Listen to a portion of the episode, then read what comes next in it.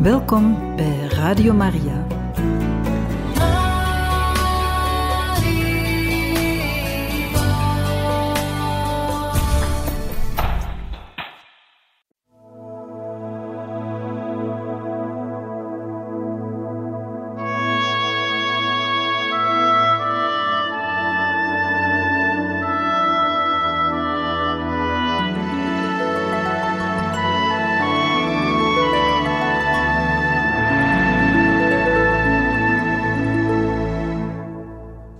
Beste luisteraars van Radio Maria, in dit programma Heilige Getuigen gaan we verder met de lezing van het boek over Johannes van het Kruis, met de titel Geboren uit Gods adem en geschreven door Crisogono de Jesus. En we zijn ondertussen gekomen bij het hoofdstuk 7, Avila van de Ridders, en bij het onderwerp met zachte beslistheid en zonder haast. In deze eerste periode moet zich het volgende voorval hebben voorgedaan. Op de bank van zijn biechtstoel gezeten, wacht pater Juan op de komst van de bichtelingen. Er komt een kleine zuster aan. Juan blijft onbeweeglijk zwijgen. De zuster, een van de mondialen die liever gaat bichten bij de vroegere bichtvaders met hun lange mantel, vraagt: Bent u geschoeid of ongeschoeid? Juan merkt de bedoeling en de betekenis van de vraag. Snel bedekt hij zijn voeten met de onderkant van zijn habit en antwoordt dan: Ik ben geschoeid, dochter. En de bicht begint.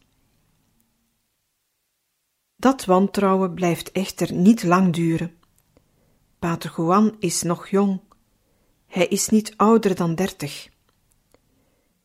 Hij heeft een talent, een rijpheid van heiligheid en oordeel die alle zusters voor God gaan veroveren. Met zachte beslistheid, zonder uit te varen en zonder haast, maar ook zonder gevaarlijke zwakheid of toegevendheid. Leidt hij hen langs wegen waarop ze misschien nooit een voet gezet zouden hebben. Geleidelijk vermindert hij de bezoeken in de spreekkamer. Hij wijst met klem op de gevaren van de verstrooiing en op de voortreffelijkheid van de deugd. Hij overtuigt hen van de inkeer die hun karmelitijnse roeping vraagt. Eerst ontmoet hij een heel natuurlijke tegenstand. Vooral wat de lange en veelvuldige bezoeken in de spreekkamer betreft. De hartelijkste verwijten van de heilige biechtvader volstaan niet. Maar wanneer er een verschrikkelijk onweer met donder en bliksem boven het klooster uitbarst, verlaten de geschrokken zusters de spreekkamer en hollen naar de kapel om zich bij God aan te bevelen. Pater Juan merkt dit en verheugt zich erover. Ten slotte krijgen zijn aansporingen geleidelijk aan uitwerking. Hij ziet kans dit huis te hervormen door de zusters te bekeren tot zielen met een intens innerlijk leven die branden van verlangen om elke dag volmaakter te worden. Eerst begint men die verbetering op te merken bij de jongeren. Elke dag zijn er meer die naar zijn biechtstoel komen. Zonder dat dit zijn opzet was, neemt Juan de plaats van de vroegere biechtvaders in.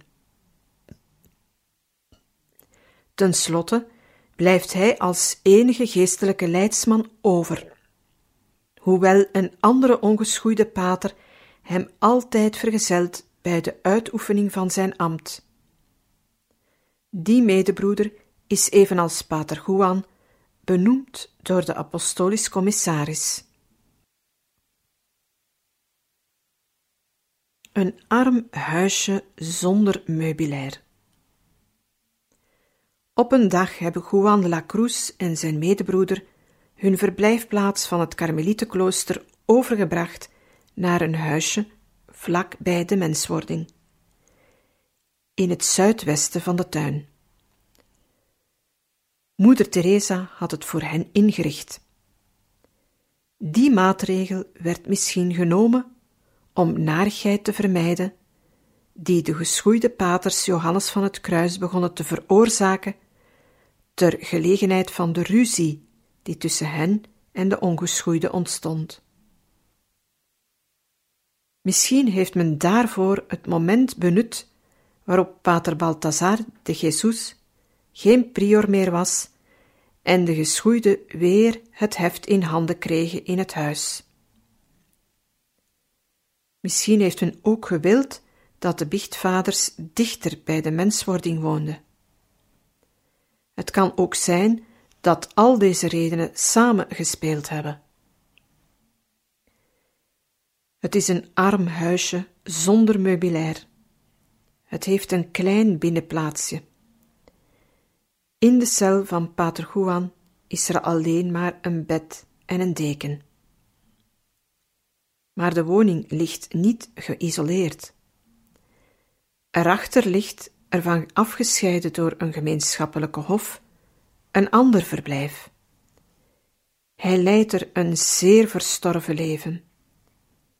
Hij draagt een heel arme pij van grove wollen stof en eet haast niets. Hij neemt genoegen met wat de monialen, die zelf ook arm zijn, hem maar willen voortzetten. En als men hem soms uitgezochte spijzen brengt, stuurt hij die terug naar het klooster met het verzoek ze aan de zieken te geven.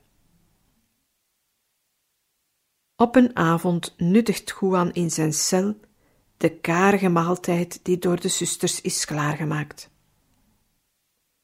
Hij is alleen.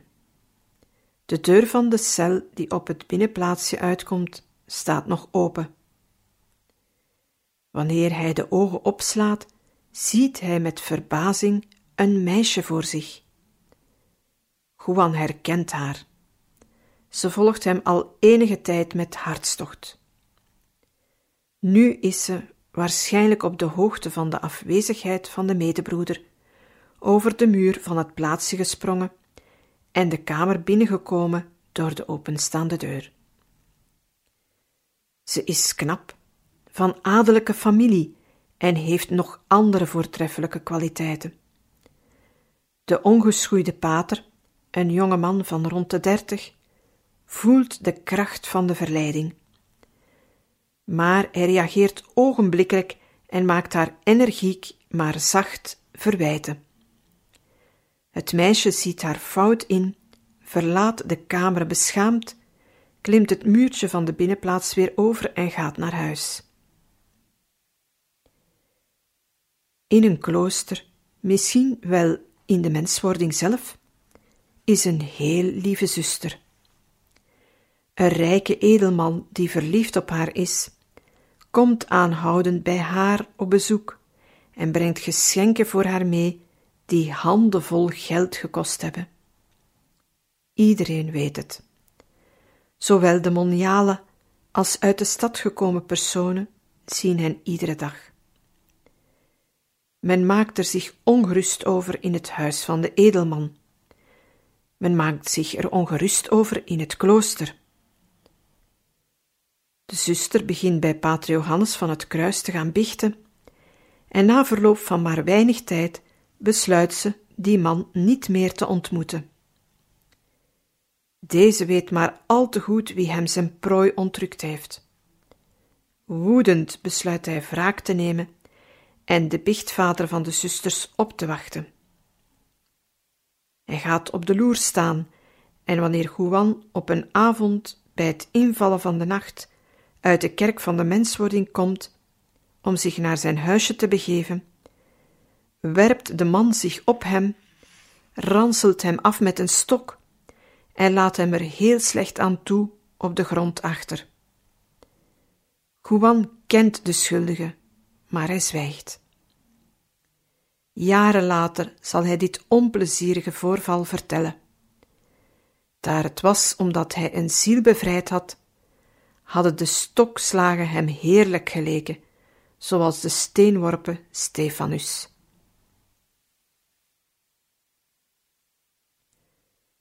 Hoe heiliger de biechtvader is, des te milder zal hij zijn. De faam van de jonge kapelaan en biechtvader van de menswording verbreidt zich in de stad. Maar niet iedereen vormt zich een juist oordeel over wat de heiligheid van de ongeschoeide pater betekent. Men denkt dat hij streng en onverbiddelijk is. Zijn ernstige houding, zijn ruwe pij, de klaarblijkelijke strengheid van zijn leven schrikken velen af. Onder andere ook een knap en rijk meisje dat zich overgeeft aan ijdelheden. Personen die van haar houden, raden haar aan te gaan bichten bij Johannes van het Kruis. Maar ze is bang. Ze stelt zich de biechtvader van de menswording voor als een hard en streng iemand, hoewel zij ervan overtuigd is dat het een heilige is. Ze weigert naar hem toe te gaan. Ten slotte, zwichtend voor de aandrang, komt ze op een dag toch naar de biechtstoel van Pater Juan en geeft hem, helemaal ondersteboven, haar angsten en zonde bloot. Juan troost haar. Een heilige biechtvader mag haar geen angst inboezemen.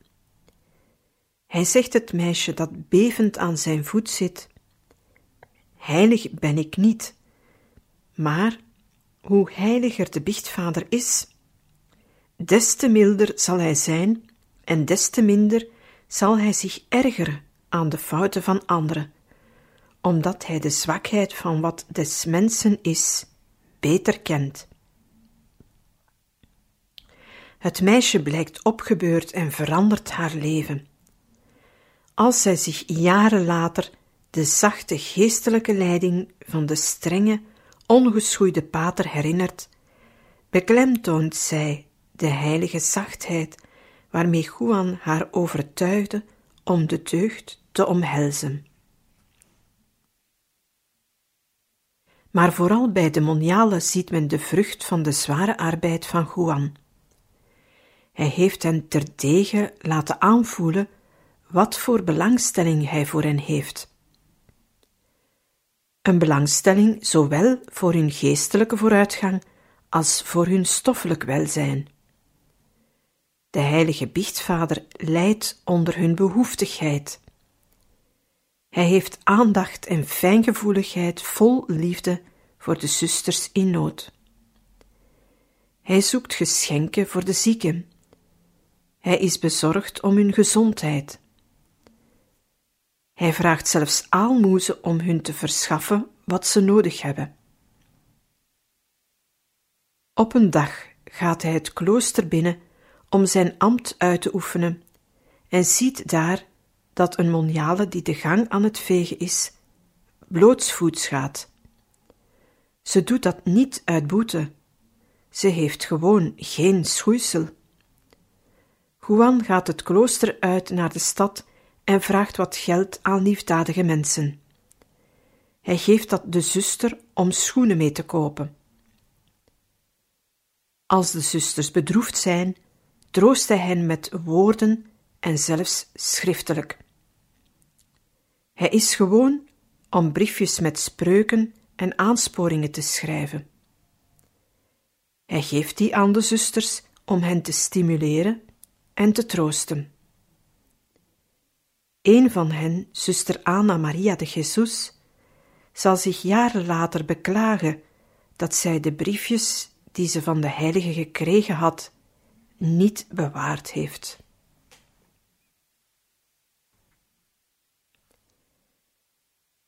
De kloosterlingen volgen zijn aanwijzingen tenslotte blindelings. Niemand weerstaat eraan.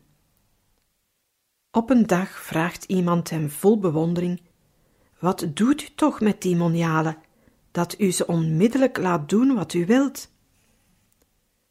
Het is God die alles doet, antwoordt hij, en daarom beveelt hij dat ze veel van me houden. Sommige feiten die de zusters als miraculeus beschouwen, voeren die verering ten top. Een zuster, Dona Maria de Jera, is ernstig ziek. De zusters passen alle mogelijke remedies toe, maar zonder resultaat. Ze brengen haar naar een geriefelijker cel en onderweg raakt zij op het matras waarop zij gedragen wordt, buiten kennis. Dringend wordt Pater Juan gewaarschuwd. Wanneer hij samen met zijn medebroeder het slot binnenkomt tot bij de zieke, zegt Anna Maria hem: Hoe kan dat nu, pater? U hebt wel goed zorg gedragen voor uw dochter, dat zij zonder picht en zonder sacramenten gestorven is. Juan antwoordt niet. Hij gaat naar het koor, knielt daar neer en blijft in gebed. Na verloop van enige tijd komen enkele religieuzen hem blij zeggen dat de overledene weer bijgekomen is. Hij gaat naar de cel van de zieke en zegt met een glimlach tegen Anna Maria: Ben je nu tevreden, dochter? Hij hoort van, van wie men zegt dat ze vreest onmiddellijk de bicht, dient haar de sacramenten toe, helpt haar schietgebeden doen en bereidt haar voor om goed te sterven. Maria de Jera blijft achter als een engel. De religieuzen zijn ervan overtuigd dat zij een wonder van hun heilige biechtvader hebben meegemaakt.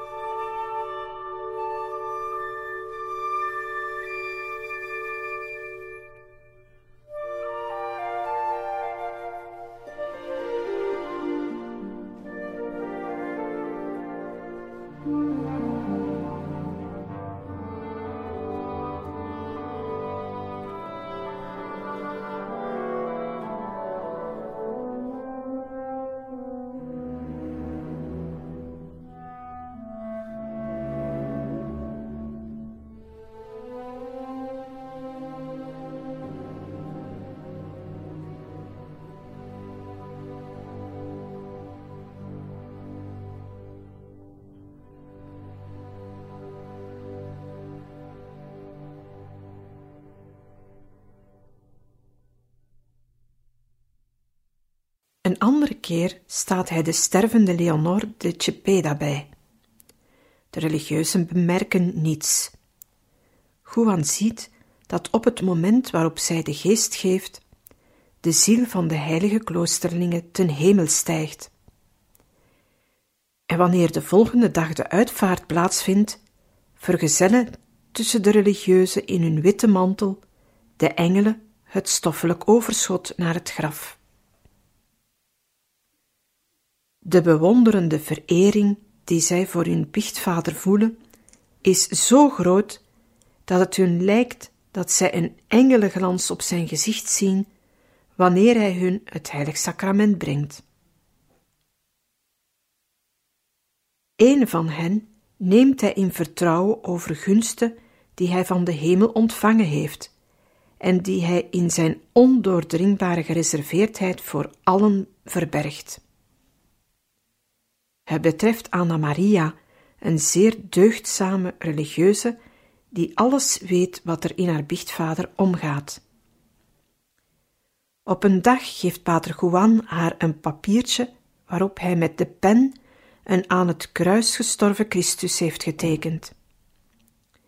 Als hij het haar geeft, legt hij het waarom van die tekening uit. Het geeft een visioen weer dat hij die dagen gehad heeft. Zo heeft hij Christus gezien, gestorven op het kruishout, de ledematen ontwricht, het hoofd diep op de ingevallen borst gezakt, de handen rond de spijkers gescheurd door het gewicht van het levenloze lichaam, dat ook de benen die het niet meer kunnen steunen, doet buigen. Na het visioen heeft hij diep onder de indruk de pen gegrepen en Christus op papier afgebeeld. De tekening is geen resultaat van een wonder, zoals de eerste biografen dachten. Ze wisten niet dat Juan zich in zijn jeugd reeds geoefend had in de schilderkunst. Dit bewijst dat deze pogingen uit zijn jongensjaren niet geheel vruchteloos geweest zijn. Anna Maria ontvangt en bewaart het indrukwekkende tekeningetje als een reliek. Op een dag geeft ze het aan pater Juan de San José, een niet hervormd karmeliet die haar biechtvader was. Maar later vraagt ze het van hem terug en de tekening is nog altijd bewaard gebleven in het klooster van de menswording. In heel Castilië geen ander zoals hij. Wat voor relatie bestaat er in die tijd tussen Johannes van het Kruis en moeder Teresa, de priorin van de menswording? In de eerste plaats die van twee handen die harmonieus aan hetzelfde werk bezig zijn. Men mag Juan niet heel het werk toeschrijven van de stoffelijke en geestelijke vooruitgang van het menswordingsklooster. Dat zou historisch onbillijk zijn tegenover de Madre. Documenten die getuigen van de kostbare arbeid die de eerste ongeschoeide pater verricht heeft, zijn er meer dan overvloedig. Maar de stukken die tot in detail getuigen van het werk van de heilige priorin zijn niet minder talrijk. Zij is de initiatiefneemster van het werk geweest. Zij steunt het en voedt het. Binnen het klooster maakt zij al wat Juan van buitenaf doet met zijn geestelijke leiding efficiënt. Moeder Teresa had trouwens reeds veel gedaan voordat de ongeschoeide biechtvader aankwam. De wederzijdse geestelijke relaties tussen beide sublieme hervormers bereiken hier en in deze periode hun hoogtepunt. Voor die tijd hadden ze nauwelijks een paar dagen contact gehad in Medina, in Valladolid, in Duruelo. Nu daarentegen zijn ze ondanks enkele onderbrekingen ten gevolge van de reizen van de Madre ongeveer twee jaar in voortdurend geestelijk contact. En de opmerkelijke hervormster beklemtoont de doeltreffendheid van de geestelijke leiding van Pater Juan. In andere perioden heeft zij, als vriendin van geleerden, een menigte geestelijke leiders tegelijkertijd gezocht en gevonden. Zij won advies bij hen in, maar tijdens het verblijf van Juan in Avila vinden we slechts hem aan de zijde van de Madre. Wanneer Juan later naar Andalusië is vertrokken, schrijft zij, naar deze periode verwijzend, Sinds hij vandaar vertrokken is, heb ik in heel Castilië geen ander gevonden zoals hij. Ook Juan zal geen ander vinden die zo rijk is aan ascetisch-mystieke ervaringen als moeder Teresa. Het is juist in deze dagen van de menswording dat de grote hervormster op de top van de mystieke berg gekomen, heel de volheid van haar prachtige spiritualiteit beleeft. Zij heeft het gebracht tot het mystieke huwelijk, en dat wordt voltrokken, zo zou men kunnen zeggen, in tegenwoordigheid van Johannes van het Kruis. Op 18 november 1572, kort dus nadat Juan in de menswording is gekomen, nadert moeder Priorin om te communiceren. De heilige biechtvader heeft horen zeggen dat zij graag communiceerde met grote hosties. Zij stelt zich voor dat de Heer dan langer sacramenteel tegenwoordig blijft in haar binnenste. Als onverzoenlijke vijand van alle zintuigelijke neigingen, zelfs onder de schijn van devotie, geeft Juan de Priorin slechts de helft van een hostie. Teresa merkt dit en lijdt eronder. Maar een innerlijke stem troost haar. Vrees niet, dochter, niemand zal je van mij kunnen scheiden. En de Heer, die haar in de intimiteit van de ziel verschijnt, geeft de madre de rechterhand en zegt haar: Bekijk deze nagel. Hij is een teken dat je voortaan mijn bruid zult zijn. Tot nog toe had je het niet verdiend. Van nu af aan zul je niet alleen voor mijn eer ijveren, omdat ik je schepper, je Heer en je God ben, maar omdat jij mijn waarachtige bruid bent. Mijn eer is die van jou en die van jou is de mijne. Er is ook nog deze episode.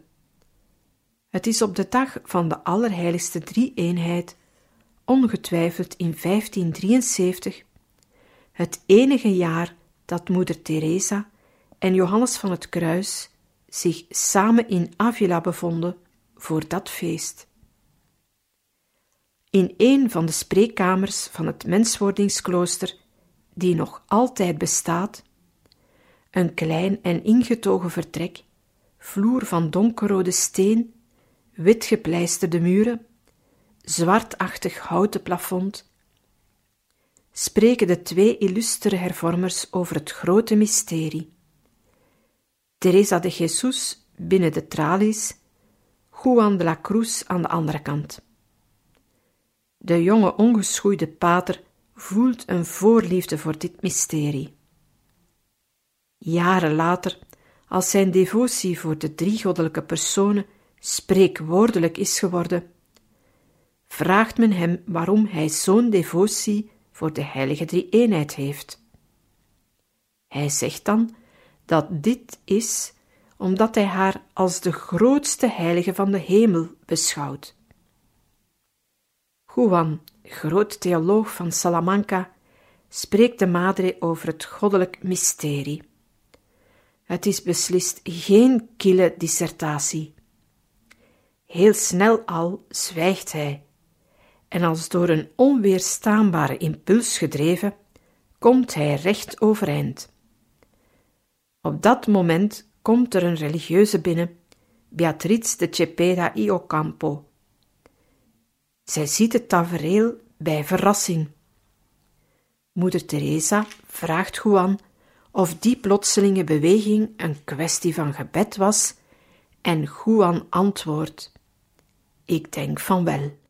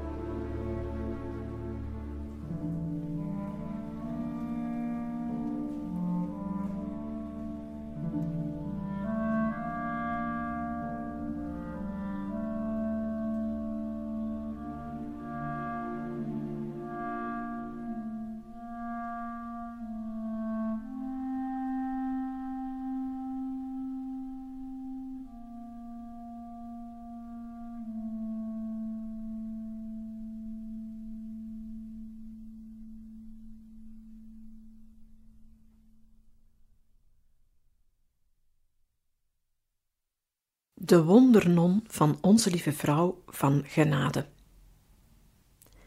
In dezezelfde tijd, als de Madre nog priorin van de menswording is, en minder dan twee jaar nadat Pater Juan in Avila kwam, bewerkt hij een wonderbaarlijke gebeurtenis, waarvan de mare door heel de stad gaat.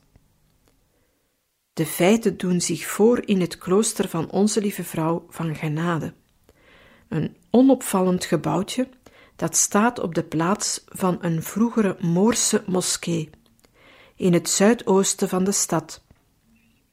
Buiten de wallen, maar niet ver er vandaan, vlak bij de strenge torens van de poort van het Alcazar. Het zijn zusters Augustinessen. Daar heeft Teresa, toen ze zestien was, onderwijs gevolgd. Daar bevindt zich nu een wonderreligieuze. Ze is jong, op vijfjarige leeftijd in het klooster gekomen, ongetwijfeld als leerlinge, verklaart zij nu op een wonderlijke manier de Heilige Schrift. Ze heeft geen leermeester gehad en ze heeft niet gestudeerd. Haar medezusters staan in bewondering. Tal van personen komen naar haar luisteren. De overste maken zich zorgen. Deze geest moet nader onderzocht worden. Dan begint in het genadeklooster het défilé van de meest illustere theologen die Spanje bezit aan de Universiteit van Salamanca. Mancio de Corpus Christi, Bartolomé de Medina, Juan de Guevara, Magister Luis de Leon. Het schijnt dat allen die geest goed achten en die wetenschap als ingestort beschouwden. Maar de oversten zijn er niet gerust op, en men vraagt tenslotte om de tussenkomst van Johannes van het Kruis, oud-leerling aan de Universiteit van Salamanca. Zelfde universiteit waaraan de beroemdheden die hem zijn voorgegaan in het onderzoek naar de wonderzuster doseren. De jonge ongeschoeide pater probeert zich te verontschuldigen. De generaal van de Augustijnen die dan door Avila passeert, probeert te bemiddelen, evenals moeder Teresa. Zij verkrijgen dat de biechtvader van de menswording besluit om naar het klooster van ons lieve vrouw van Genade te gaan. Eerst echter doet hij stappen bij de inquisitie van Avila. Hij stelt de inquisiteurs op de hoogte en vraagt toestemming om in deze zaak op te treden. Pas als de inquisiteurs hem daartoe machtigen, neemt hij de zorg op zich voor de moniale die zoveel prachtige dingen zegt. Pater Juan gaat niet alleen naar het Augustinesse klooster, zoals gewoonlijk neemt hij een metgezel mee. Soms is dat de lekenbroeder Francisco de los Apóstoles, die sinds enkele maanden portier is in het Karmelietenklooster. Andere keren is het pater Gabriel Bautista of Pedro de la Purificación. Dat zijn degenen die hem afwisselend vergezellen bij de herhaalde bezoeken die hij in deze zaak aan het klooster Onze Lieve Vrouw van Genade brengt. De weg is vrij lang. Men moet van het noorden naar het zuiden en de stad in het midden laten. Ze beklimmen de noordelijke helling en gaan vanaf de San Vicente-poort, waarschijnlijk de wallen volgend, achter langs de apsis van de kathedraal en onder langs de Alcazarpoort. Een steile maar korte afdaling en ze zijn in het Augustinesse klooster. Beste luisteraars, voor vandaag zijn we weer aan het einde gekomen van deze lezing uit het boek over Johannes van het Kruis. En we gaan volgende keer verder met hoofdstuk 7, Avila van de Ridders, bij het onderwerp Een lang en vervelend proces. Bedankt voor het luisteren en graag tot morgen.